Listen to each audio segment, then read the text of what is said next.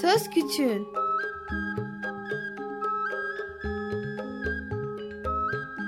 Bir Çocuk Hakları Programı Bilgi Üniversitesi Çocuk Çalışmaları Birimi hazırlıyor ve sunuyor. Çocuk Hakları Savunucusu Özel Sezin Okullarına katkılarından dolayı teşekkür ederiz.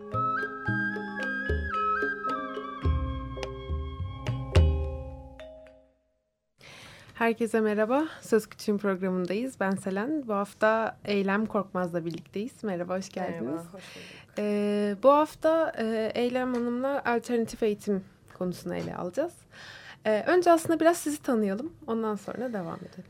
Beni tanıyalım. Ben e, kimya öğretmenliği mezunuyum. Sonra eğitim yönetimi üzerine yüksek lisans yaptım. Sonra eğitim programları üzerine doktora yaptım. Yüksek lisansım sırasında, daha doğrusu lisans eğitimim sırasında eğitimde çok ciddi bir terslik olduğunu bir öğretmen adayı Hı. olarak gördüm. O dönemlerde e, çok az kitap vardı. Ayrıntıdan çıkan birkaç kitap vardı ezilenlerin pedagojisi. Onları okuduktan sonra dedim Hı, farklı bir şekilde yapılabiliyormuş bu iş. Daha sonra da yüksek lisansa başladığımda alternatif eğitim alanında çalışmaya karar verdim. Hı. Yüksek lisans ve doktora tezlerimi o konuda yaptım. Ama bir yandan da Türkiye'de bir şeylerin değişmesi gerektiğini düşünüyorduk. O nedenle 2005 yılında bir alternatif eğitim sempozyumu düzenledik. Hı hı. Ve farklı alternatif eğitim metotları ile ilgili yurt dışından bu alanın uzmanlarını getirdik. Oradaki amacımız bir gündem oluşturmaktı. Yani alternatif eğitimi tartışmaya başlamaktı.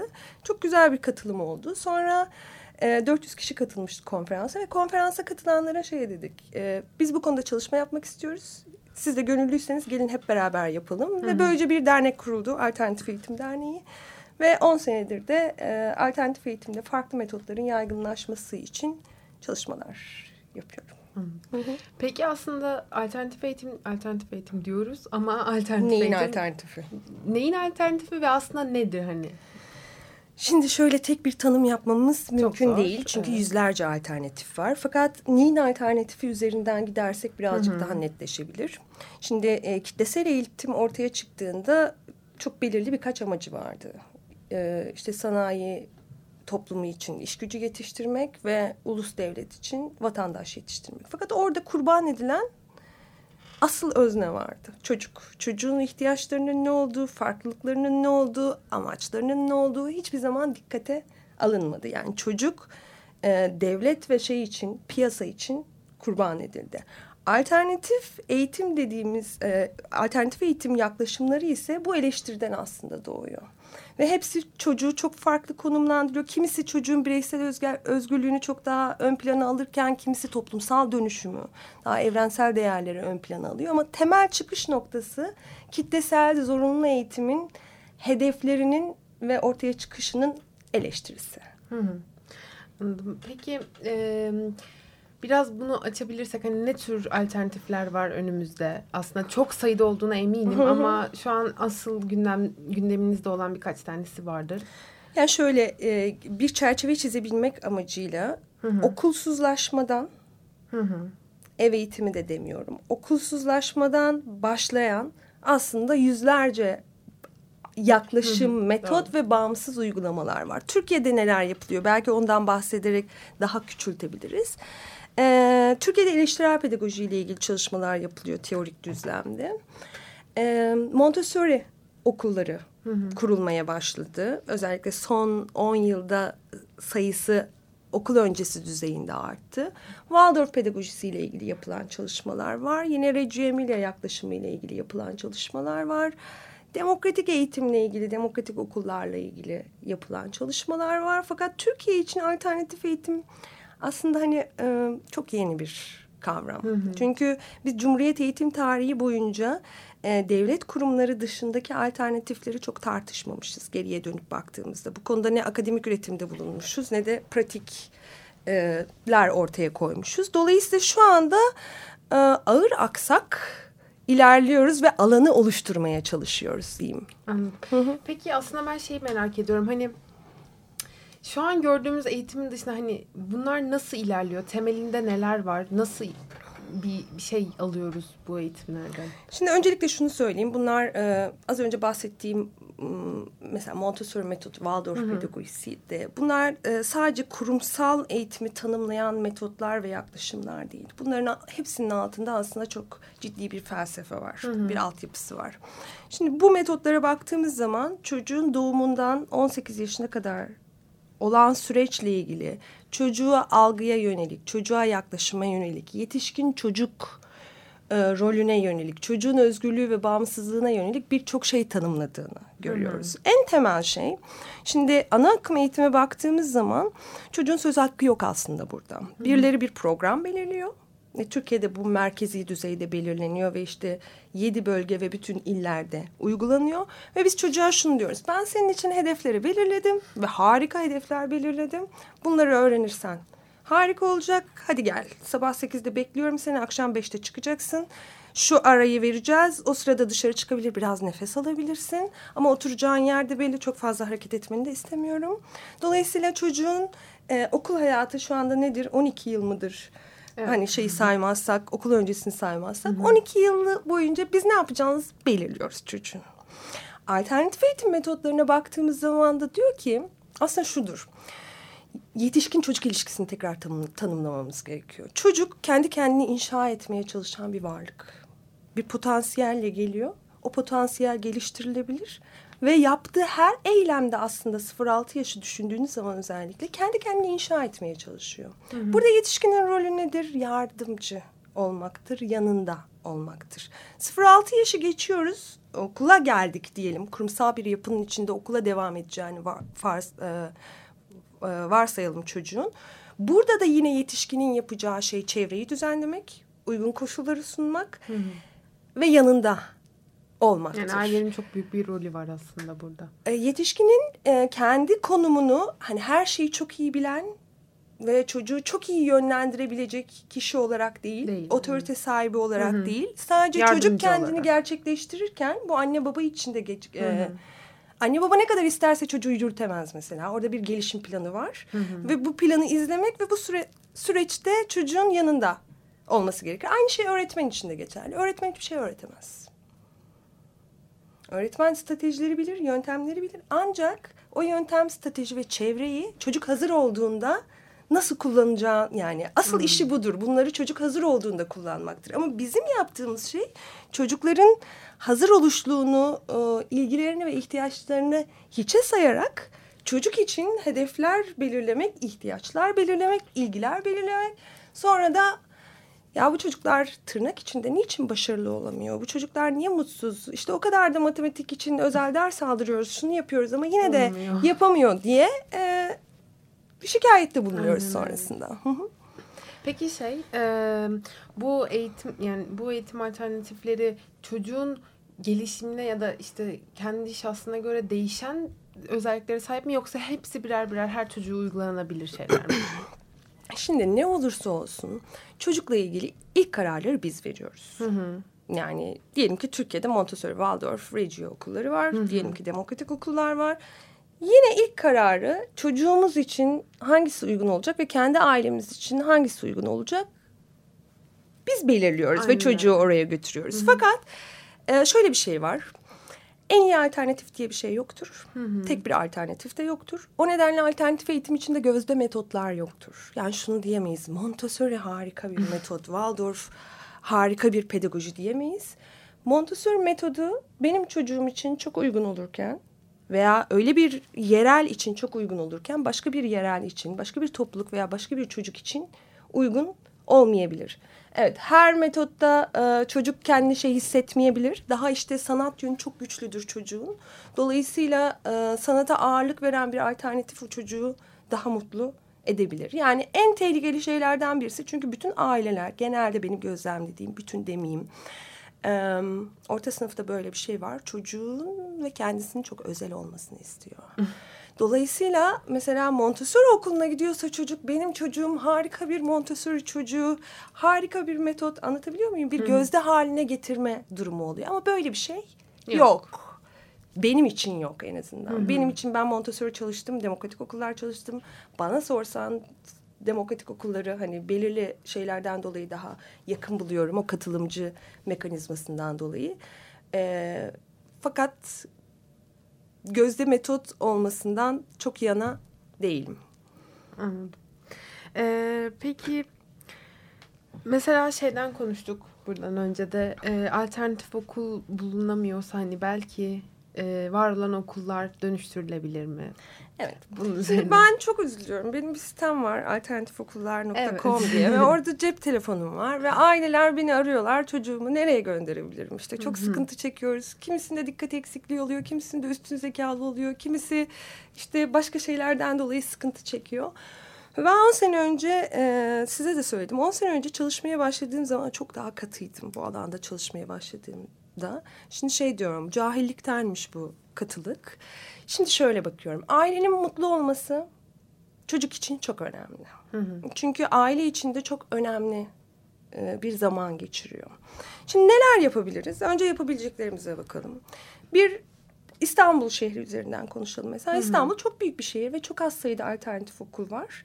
Önce bunların hani bizim e, yaşadığımız yere yakın bir okul var mı ve bundan yararlanabilir miyiz? Ama alternatif okul olması da yeterli değil. Benim ailem ve benim çocuğum bu okulda mutlu olacak mı? Yani ismi alternatif olabilir ama o çocuk orada şey olmayabilir. Veya aile mutlu olmayabilir. Ailenin de çocuğun da mutlu olması önemli. Bir bu. Ama ben e, Eyüp'te oturuyorum diyelim hmm. ve Eyüp'te alternatif bir okul yok. Ben şeyi önermiyorum yani iki saat çocuğunu uzakta bir okula gönderip İstanbul gibi bir şehirde başka bir stres kaynağı oluşturup veya ailenin maddi durumu hiç yok ama işte borç alıyor, kredi çekiyor çocuğunu okula götürmek için böyle bir okula gönderebilmek için ki ne yazık ki alternatif okulların çoğu e, paralı ve şey ücretleri yüksek olan okullar. Bunu çok fazla önermiyorum çünkü bu aile için ve çocuk için başka bir stres kaynağı. Hmm. Tamam okul bulamadık ve okul bulduk alternatif okula gönderdik sorun yok. Okul bulamadıysak o zaman ne seçeneğimiz kalıyor? Hmm. Özel okul veya resmi okullar hmm. kalıyor. Ee, özel okullara çok dikkat etmeleri gerektiğini düşünüyorum. Çünkü birçoğu çok akademik. Akademik hı. olmayan özel okul bulmak çok kolay değil şu anda. Resmi okullarda tabii ki biz bu ülkenin vatandaşıyız. Okullardan da bakanlıktan da birçok şey talep etme hakkımız var. Bence bu hakkımızı da kullanmalıyız. Okulları dönüştürmek veya makro düzeyde işte sistemi dönüştürmek için bir çalışma yapmak açısından. Dolayısıyla bir diğer seçenek e, resmi okula, mahallesindeki resmi okula gönderip resmi okulda öğre, çocuğunu koruyacak bir şekilde ve eğitimi destekleyecek şekilde e, çalışmalar yapılması. Bir şeyi söyleyeyim, program anlamında e, şu anki MEP programı çok kötü değil. Hı hı. Ama ne yazık ki uygulanmıyor. Hı hı. Dolayısıyla aileler yönetmeliği çok iyi öğrensinler. Hı hı. Haklarını çok iyi öğrensinler. Hı hı. Yani şu anda mesela aslında bireyselleştirilmiş değerlendirme yapılıyor şeyler. Yapılması gerekiyor. Fakat öğretmen yapmıyor. Dolayısıyla talim terbiyenin sayfasına bakıp bir programları indirip yani aile de şöyle düşünmesin. Ben çocuğumu verdim. Hiçbir şey yapamam değil. Hani bizim zaten yaşam anlayışımız, yaklaşımımız hani her alanda katılımcı olmayı bence gerektiriyor. Dolayısıyla alınan ve e, çocuğun gönderildiği ve bir daha ilgilenilmediği bir eğitim değil talim terbiye eden bir program indirilebilir. Bu programı okuduğunuz zaman gerçek uygulamayla programda ne kadar farklılık olduğunu görebilirsiniz. Yönetmelikleri inceleyebilirsiniz. İşte çocuğun söz hakkında olması gerekiyor mesela. Ve burada bir açık varsa okul üzerinde ve idare üzerinde ve gerekirse ilçe üzerinde bir baskı uygulayabilirsiniz. Bunların hiçbirisini mi yapamadık? Hı hı. O zaman üç şey var. Yani bir okul var, bir aile ortamı var, bir de sosyal çevre hı. var. O zaman bizim gibi düşünen insanlarla bir araya gelelim ve çocuğumuz için hani daha şey daha özgürlükçü, hmm. daha bağımsız olabileceği, daha sesinin duyulduğu bir sosyal çevre oluşturmaya çalışalım. Bir diğer seçenek de alternatif okulları biz kuralım. Hı hı. Ama o çok Ama fazla. bu tabii ki hayır. İmkansız değil fakat tabii, tabii. zaman ve e, maddi, olarak. maddi olanaklar isteyen bir süreç. Ama birçok seçeneğimiz var. Sadece bunu anlatabilmek için bu seçeneklerin hepsini sıralıyorum. Anladım. Ee, o zaman şöyle devam edelim. Ee, mesela e, ha ben şeyden bahsettim. Kafam karıştı birazcık özür ee, mesela şu çok kötü bir his bence. Ee, okulda çok böyle sıkı bir program içindeyiz. Ee, ve ben kendimi tanıyacak, işte kendimi geliştirecek hiçbir şey yapmadığımı hissediyorum Hı hı. mesela. Ve bu çok kötü bir duygu. Hı hı. Ee, bu eğitimlerde anladığım kadarıyla bu destekleniyor. Demokratik Bunun okullar üzerine. üzerinden örnek vereyim istersen. tabii. Mesela bir demokratik okulda süreç nasıl gidiyor? Ee, dönem başında bütün okulun bileşenleri, aileler, çocuklar gelip bir araya bir program Hı hı. Önerisi oluşturuyorlar. İşte o programda matematikte oluyor. Ne istiyorlarsa. Ondan sonra atölyeler belirleniyor. Hangi atölyeler? Ama bu tabii şey değil. Yukarıdan birisi belirlemiyor bunları. Topluluğun kendisi bir araya gelerek belirliyor. Ondan sonra çocuklar neye ihtiyaç duyuyorlarsa bunu söylüyorlar. Bunlar programa dahil ediliyor. Dolayısıyla bir esnek, bir de önceden belirlenen bir program oluyor. Ama çocukların bunların hiçbirisine katılımı zorunlu değil. Değil. Ne zaman hazır hissederse kendini. Evet okuma yazmayı 8 yaşında öğrenmek istiyorsa, öyle hazır hissediyorsa o zaman 8 yaşında öğreniyor. Bunun dışında şöyle seçenekler koyuyorlar mesela. Bir çocuk dönemin ortasında, e, yılın ortasında bir başka bir şey öğrenmeye karar verdi. Ve birkaç kişiyi bir araya getirirse mesela onunla ilgili şey e, meclise sunuyor. Okul bu arada bir meclis aracılığıyla yönetiliyor. Mecliste bütün temsili demokrasi değil doğrudan demokrasi uygulanıyor. Ve e, çocuklar bir araya gelerek, öğretmenler, çocuklar ve o, okulda bulunan bütün kişiler bir araya gelerek e, doğrudan demokrasiyle bütün kara- e, alınması gereken kararları beraber alıyorlar. Çocuklar mesela bunu meclise getiriyorlar ve eğer bütün okul topluluğu tarafından uygun bulunursa bu atölye veya çalışma alanı açılıyor. Onun dışında e, eğer okulun içinde olanaklar yoksa çocuk fotoğrafçılık öğrenmek istiyor. Ama okulun içinde bir fotoğraf atölyesi yok. O zaman çevrenin olanaklarından yararlanılıyor. Mahalledeki işte fotoğrafçıyla gidip görüşülüyor. Şimdi buradaki süreç senin sorduğun şeye gelirsek. Şimdi burada çocuğun bir sürü seçeneği var. Hı hı. Ve bu seçeneklerin içinden zorunluluk yok. Zorunluluk olmadığı için gerçekten neye ilgisi olduğunu deneye yanıla bulabiliyor. Çok güzel. Bir diğer şey derinleşmek istediği alanda diyelim ki ben dansa ilgim olduğunu gördüm. İşte dans atölyelerine katılıyorum ve bunu daha fazla öğrenmek istiyorum ama bunda işte okulumda yeterli olanak yok. Derinleşmek istediği konuda okul ona her zaman destek oluyor. Şimdi özgürlük e, bu neden şey şu nedenle bu okullar e, özgürlük temelli okullardır. Çünkü insanın özgür olabilmesi için kendi potansiyelinin farkında olabilmesi gerekir. İlk koşul. Daha sonra da potansiyelini gerçekleştirebileceği olanakların olması gerekir. Bu okullar çocuğu izledikleri ve çocuğu takip ettikleri için, çocuk temelli bir yaklaşıma sahip oldukları için özgürlükçü okullardır. Anladım. Çok güzel. yani iyi bir eğitim. Ee, peki son olarak tekrar sitenizden bahsedebiliriz. Orada Olabilir. e, tüm... Ben de sana soru sorabilir miyim? Tabii ki de. Senin yaşadığın en temel problem nedir? Bir öğrenci olarak. Hmm. Bunu aslında e, ya çok çok fazla sorun olabiliyor ama e, yani az önce söylediğim gibi çok yoğun bir programın içinde olmak ve mesela ben şu an son sınıftayım. E, bir sınava hazırlanıyorum aslında hiç girmek istemiyorum. Ya kimsenin girmek istemediğidir eminim. Çünkü şeye inanıyorum yani kesinlikle hayatımızın bir şekilde kısıtlandırıyor. Yani ben mesela atıyorum ben mimarlık okumak istiyorum ama şu anda sınavdan aldığım puanlar çok fazla yeterli değil benim mimarlık okumak istemem için ve bu çok üzücü bir durum. Çünkü ben aslında mimar olmak istiyorum. Hani bu kötü bir durum. Ee, bu sınavlar çok te- bence büyük bir sorun. Ee, onun yani dışında- senin bu söylediğin şeyi şimdi düşünüyorum. Çünkü eğitim aslında e, gerçekten çocuğun potansiyelini geliştirecek bir süreç, Hı hı. gelişimin bir süreci olarak görülmüyor. Mesleki hazırlık Hı hı. olarak görünüyor birinci sınıftan itibaren. Fakat bu da çok mantıklı değil. Birinci sınıftan itibaren bir mesleki hazırlık yapılması ve esnek bir sistem olmadığı için arada kaçışlar yok. Öyle. ben şimdi tamam fen matematik bölümünü seçtim ama yok ben dersleri gördükten sonra İstemedim. istemiyorum aslında başka bir alanda uzmanlaşmak istiyorum dediğine hayır yani o yola girdin ve e, bir çıkışın yok Aynen öyle. bu büyük bir sorun yani o yüzden. Bu galiba ya en büyük sorun bu. Yani kendimizi tanıyamadan bir karar vermek zorunda kalıyoruz. Bu çok büyük bir sorun bence. Evet.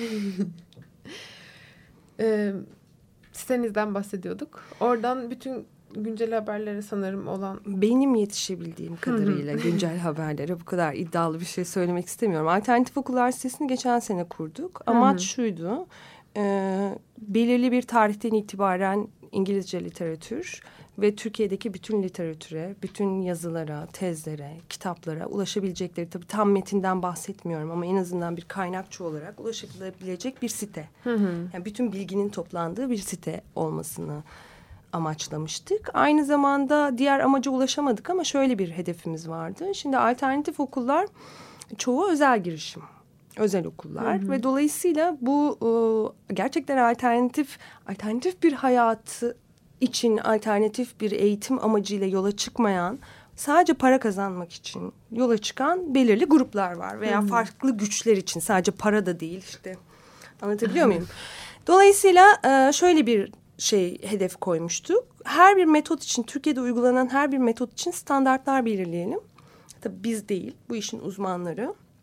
Ve mesela Montessori okullarının sahip olması gereken en temel standartlar nelerdir? Sonra okullara bunu gönderelim ve okullar e, bu o standartları ne kadar sağlayıp sağlamadıkları ile ilgili bize bir beyanda bulunsunlar ve biz okulların bilgilerini siteye koyalım. Böylece bir aile siteye girdiği zaman okulları birbiriyle karşılaştırabilsin hmm. ve uzun vadede niteliksel anlamda bir şey ortamı yaratalım okullarda. Hani benim öğretmenim 60 saat eğitim almış. Diğerinin öğretmeni hmm. 900 saat eğitim almış. Benim kendimi geliştirmem yönünde bir e, çaba göstermem gerekiyor. Hani bir niteliksel anlamda bir rekabet ortamı hmm. oluşturmak gibi bir hedefimiz vardı. Çünkü e, hani biz alternatif eğitime bu kadar emek harcayan yıllardır insanlar olarak bir yandan da gidişattan üzülüyoruz. Hmm.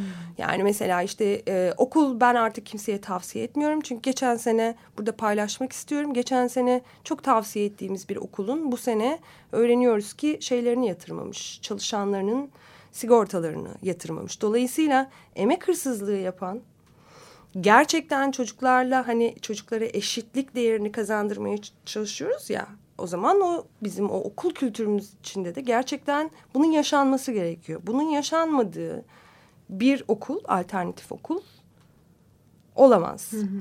Dolayısıyla hani biz biraz e, okulları da şey yapmak istiyoruz. E, nasıl diyeyim? Motive etmek istiyoruz. Daha gerçekten uygulamalarını daha alternatif hale, hale getirmek için. Yani özellikle özel okulları. Çünkü aile inisiyatifiyle kurulan okullar var Türkiye'de. Sonuçta onlar e, bir şekilde bir grup tarafından kurulduğu için birbirlerini zaten hani yanlış yapıldığı zaman dengeleyecek bir mekanizma var. Daha kalabalık bir grup var. Ama özel okullarda çoğunlukla şey var bir okulun sahibi var, kurucusu var ve orada e, her zaman değil yani okullara haksızlık yapmak da istemem. Fakat işte para kazanmanın bir şeyi var. Hani temel hedeflerden birisi. Dolayısıyla bunun yolda şeyden geçiyor. Ailelerin metotları daha iyi tanıması gerekiyor. Aile her şeyi düzeltebilir. Hı hı. Aile talep ettikçe okul yapmak zorunda olacak. Dolayısıyla ailenin bilinçlenmesi ve bizim gibi bu alanda çalışan uzmanların birazcık daha bu konuları gündeme getirmesi gerekiyor bence. Aynen öyle. Ee, bir de mesela yani iletişimde olduğunuz aileler vardır eminim değil mi? Yani beni arayan aileler var. Ee, peki şey mesela hani çocuk, bu konuda mesela çocuklarını böyle bir eğitim sistemin içinde he, sokan diyeyim hani hı hı. ailelerden nasıl e, tepkiler alıyorsunuz? Nasıl geri dönümler alıyorsunuz mesela? Şimdi başka bir sorun da şu. Çocukları bizim demokratik olarak yetiştirmemiz, özgür olarak yetiştirmemiz bence çok kolay. Hı hı. Fakat biz ne kadar demokratiyiz? Pardon. Bizim zihinlerimiz ne kadar özgür? Kendimi de işin içine dahil ederek hı hı. söylüyorum. Şimdi aile mesela Montessori okulları ilk açıldığında şey diyordu. Benim çocuğuma niye iş yaptırılıyor okullarda? Dolayısıyla ailelerin e, gösterdiği tepkiler hı hı. aslında ailenin altyapısıyla ilişkili. Aynen. Hani bundan çok memnun olan da var. Yeterli olmayan aslında okulların çok da şey geldiği, yetersiz geldiği aileler de var. Fakat hani şöyle kapatalım. Biz çocuğumuzu yetiştirirken önce kendimize şey yapacağız. Çünkü e, eksikliklerimizi özgürlük anlamında, demokratiklik, iç, e, kabul ettiğimiz fakat içselleştiremediğimiz değerlerimizin ne olduğuna bakıp hı hı. önce kendimizde bir değişimi yaratmak çocuklar. yönünde bir şey yapacağız. Evet, daha sonra da çocuklarımız. Çok keyifli bir sohbetti. Çok Benim teşekkür ederim. Ben teşekkür Umarım ederim. bir daha böyle bir program Umarım. yaparız. Ee, bu hafta da programın sonuna geldik. Haftaya görüşmek üzere. Hoşçakalın.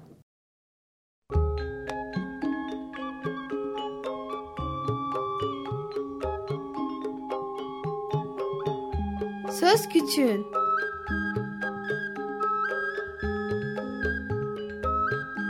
Bir Çocuk Hakları Programı Bilgi Üniversitesi Çocuk Çalışmaları Birimi hazırladı ve sundu. Çocuk hakları savunucusu Özel Sezin Okullarına katkılarından dolayı teşekkür ederiz.